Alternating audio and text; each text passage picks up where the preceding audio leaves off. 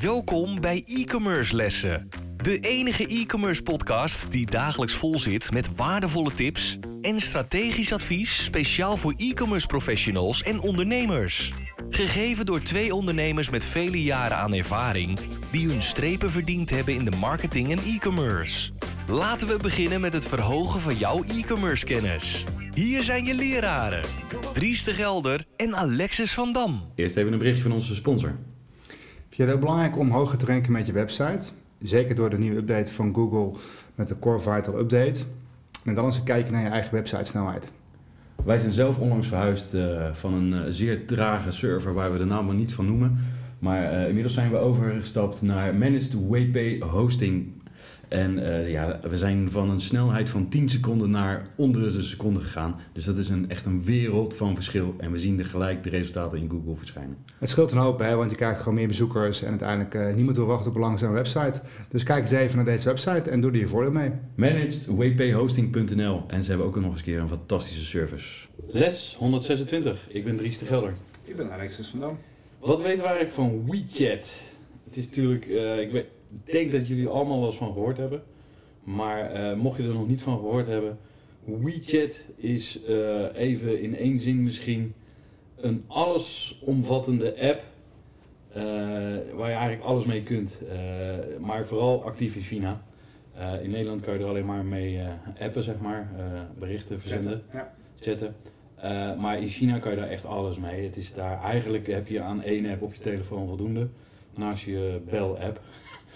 Uh, want je kan nog volgens mij, ja, misschien kan je er ook mee bellen. Dus heb je eigenlijk aan één app voldoende. Want je kan er alles mee. Je kan ermee winkelen, reviews mee schrijven, reserveringen plaatsen. Uh, het is een soort social media, het is een e-mailprogramma, het is een chatprogramma, het is een betalingsmiddel. Het is, ja, het is eigenlijk alles. En de overheid kijkt mee.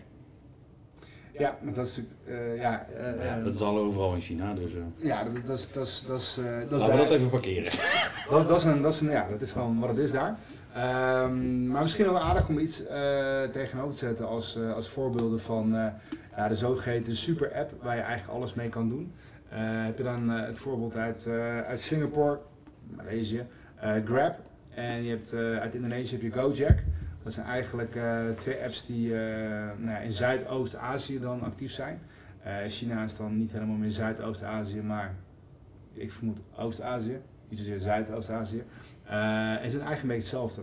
het is inderdaad, um, als je ride-hailing, dus als je ergens naartoe wil, als een auto kan dat, maar kan ook pakketjes bezorgen. Ze zijn ook bezig met bankrekeningen, met verzekeringen, eigenlijk van alles en nog wat. En het, het aardige natuurlijk van het idee is dat, uh, en misschien ook wel daarmee het bedreigende van het idee, is dat één app alles doet voor jou. Daarmee weet het ook heel veel van jou. Uh, daarmee kan het ook heel erg jou goed helpen, want ze weten heel veel van jou. Het nadeel daarvan is, ze weten heel veel van jou en de vraag is, wil je dat? Uh, ik denk dat in Azië in die zin um, het niveau van privacy wat anders ligt dan in Europa, om het zo te zeggen. Zeker uh, dus dat mensen daar dan ook denken, nou ja, uh, als zij alles veel van me weten, dan kunnen ze mij ook goed helpen. Terwijl ik vermoed dat in, in Europa en andere delen van de wereld ze zeggen, nou, het hoeft niet zo van mij. Ondanks dat het misschien handig en, handig, handig en nuttig is, um, is het de vraag wat echt op die manier gedaan wordt. Um, in zo'n bijvoorbeeld NS-app, uh, om even een voorbeeld Nederland te noemen, die hebben natuurlijk ook NS-fiets, ze hebben ook NS natuurlijk die auto's die je kan huren, ze hebben taxis. Dus als je in de NS-app kijkt tegenwoordig, willen ze eigenlijk de vervoersapp van Nederland zijn. Zowel auto, trein, fiets, al die andere dingen. Dat bieden ze in principe aan. Dat kan je allemaal regelen via hun ding. Het is een soort van op mobiliteitscomponent hebben zij iets in elkaar gezet wat in ieder geval goed op, op elkaar werkt. Want stel je gaat met de trein en je moet in een andere app dan een fiets regelen. En dat werkt dan niet bij dat treinstation, dat schiet het ook niet op. Dus er is wel wat te zeggen om natuurlijk dingen te integreren om het proces uh, naadloos te maken. Waar een andere dialoog of een andere episode ook even over hadden. Dus vanuit die gedachte snap ik hem. Alleen alles in elkaar knopen, is zijn voor- en zijn nadelen. Ja, ja, ik zie zelf, bij wijze van spreken, uh, los van Big Brother is watching you, want ik vraag me af wat ze in Nederland allemaal ook van je weten. Uh, we denken dat we hier anoniem leven, maar hoe anoniem leven we? Eh, dat is even de vraag. Ehm, alleen we hebben hier iets meer vrijheden, denk ik. Ehm, dat is een andere kant. Dat is een discussie die we helemaal niet willen voeren. Ik zie ook wel echt wel heel veel gave dingen. Ehm, al, al- zeker als gebruiker van de app. Ik, eh, ik heb ooit een filmpje gezien van dan een vrouwtje wat eh, eh, dan WeChat heeft. Eh, ze gaat eh, s smiddags lunchen, plaatst de reservering via WeChat bij een eh, lokaal restaurantje bij haar om de hoek. Eh, komt in het restaurantje binnen, heeft onderweg, terwijl ze daar naartoe liep, heeft ze de, de order eh, geplaatst. En eh, ondertussen heeft ze de vriendin gebeld van, joh, ik heb mijn order geplaatst. We hebben dat tafeltje. Haar vriendin die plaatst zelf gelijk een order in WeChat. Ze komen aan, de bestelling wordt gelijk bezorgd. Drinken staat op tafel, eten staat op tafel. Ze lopen weg en alles is betaald. Eh, onderweg dat ze naar huis lopen. Oh, heb jij lekker gegeten? Ja, ik heb lekker gegeten. Oh, nou even gelijk even een reviewtje schrijven. Hup, gelijk een leuke review eruit. Dat soort zaken. Ondertussen eh, ging haar, eh, kwam er een bestelling binnen eh, op haar telefoon van een, omdat ze honden aan het wassen was of zoiets. Ze is een hondenwasser in, in China. En eh, ging ze naar een hondenwasser toe of eh, met haar spullen gelijk naar om een, eh, om een hond te gaan wassen. Eh, ook dat allemaal, zit allemaal in één app. Eh, het gemak waarmee je gewoon dingen kunt doen, waarmee je zoveel tijd kunt besparen. Even dit voorbeeld, eh, wat voor tijd je bespaart qua eh, ondernemen of eh, qua, weet je, als je alleen nog naar een restaurant toe gaat. Het is natuurlijk ook heel gezellig om naar een restaurant naartoe te gaan, La- laten we dat vooropstellen. Maar daar moet je ook de tijd voor nemen. Maar weet je wel, als je even een snelle lunch wil doen en je kan aankomen en je tafel staat al klaar met de, de gerechten terwijl je binnen bent, want ze zien in de keuken dat jij binnen bent, dan kunnen die gerechten gelijk uitgesfeerd worden. In plaats van dat je eerst nog een serveersnij toe moet komen, dat moet dan in de keuken gemaakt worden en al dat soort shit. Dan ben je alweer een kwartier, twintig minuten verder voordat je überhaupt wat te eten hebt. Eh Nou ja, vanuit, tijd. vanuit optimalisatie eh, eh, en efficiëntie is het inderdaad ideaal. Ik, bijvoorbeeld ook de valenvanage inderdaad. ehm wat is ooit voor mij het verhaal wat Uber toen zei van, nou als je in Uber dan rondrijdt, dan pakt hij automatisch Spotify playlist. Nou, ik heb nog nooit meegemaakt dat het een keer gebeurd is, dus eh, een leuk idee vanuit de marketing, maar praktisch heb ik het nooit meegemaakt. Het zal vast wel werken hoor, maar ehm, het zijn hartstikke leuke ideeën. En dat, dat soort van personalisatie, optimalisatie is natuurlijk heel erg mooi. Ehm, ik denk alleen de devil is in het detail. Eh, dat alles moet dan ook naadloos werken. En dat kan. Eh, het haalt ook misschien een beetje het, de verrassing weg uit je leven. En dat is natuurlijk ook juist alweer dat soms dingen anders lopen dan je dacht. Dat kan ook juist wel weer leuk zijn.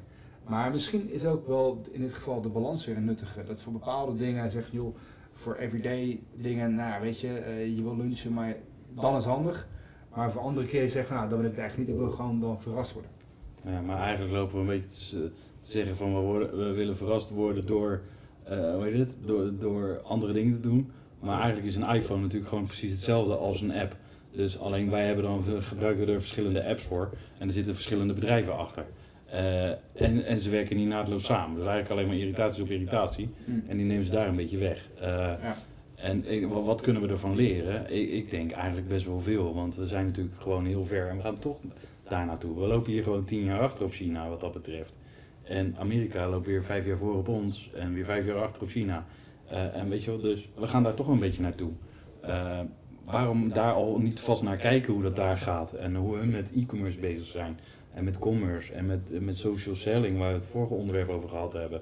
En dus ik denk dat WeChat, dat het zeker een product is wat je even in de gaten moet houden. Er zijn onwijs gave filmpjes op YouTube te vinden en eh, ook de gevaren van WeChat. Nee, goed, kijk, ik bedoel, eh, het is altijd goed om even de beide kanten van, eh, van een bedrijf te bekijken. Eh, maar eens, bedoel, vanuit inspiratie en vanuit eh, ontwikkeling, waar gaat het naartoe? Goed om naar te kijken, want ja, wat je terecht zegt, eh, die bedrijven die volgen elkaar. Ik bedoel, wat, wat Facebook met zijn eh, ehm, collectie aan apps doet inmiddels, gaat toch wel ook een beetje richting wat WeChat aan het doen is. Ehm, misschien in losse apps, omdat dat is natuurlijk een dingetje vanuit het idee dat alles in een app zou zitten. Dat zou natuurlijk één bedrijf zo machtig maken. hè. Dat je eigenlijk moeten zeggen, even vanuit eh, de westerse gedachte geredeneerd. Dat is een beetje alsof je na Google en Facebook eh, bij elkaar zet in één bedrijf. eh, qua, qua power. En dat, dat En zijn juist jij- wel bezig om dat aan elkaar te halen. eh, in plaats van toe te laten. Dus ik denk dat... Maar het is wel van de overheid ook. Dus als je natuurlijk een soort van Ja, in. Nederland misschien een app zou hebben en dan niet, eh, maar laten we dan even terug in de tijd gaan, een, eh, eh, een Hives, een Marktplaats, Ja, een, een, een DigiD en je Ideal en weet ik veel wat, allemaal in één app.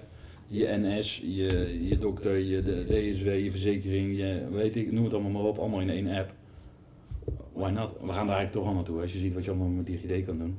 Nou, zeker. Kijk, wat dat betreft denk ik dat eh, in essentie, wat je ziet, al die dingen, die apps je net noemt, al die apps die die dienen eigenlijk voor één doel en optimaliseren het ene doel. En eh, wat de WeChat doet aan de achterkant is, omdat het vanuit de overheid is, eh, zeg maar, eh, dat het allemaal bijeenkomt. En ehm, de partijen die jij net noemt zijn natuurlijk allemaal geen overheidspartijen.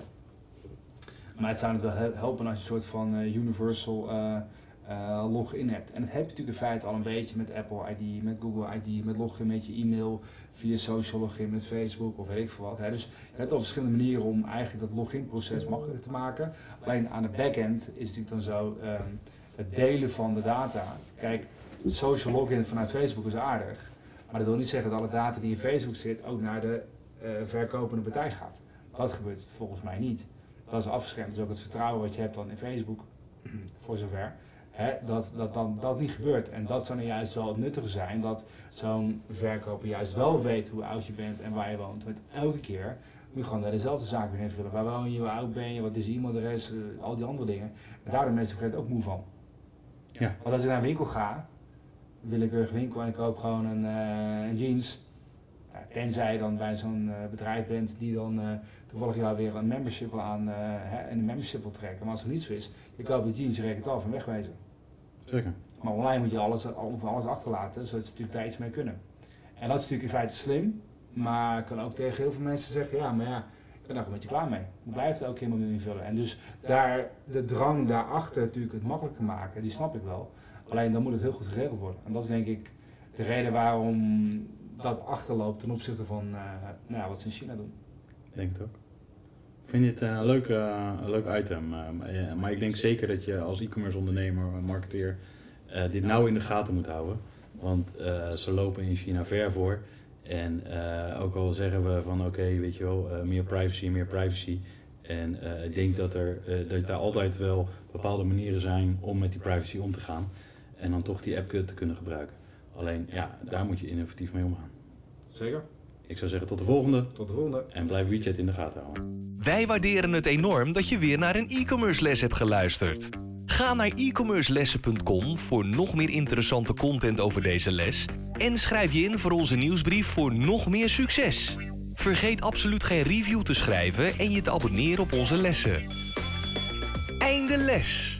E-commerce studenten, jullie kunnen de klas verlaten en vergeet de volgende lessen niet voor nog meer geweldige e-commerce resultaten.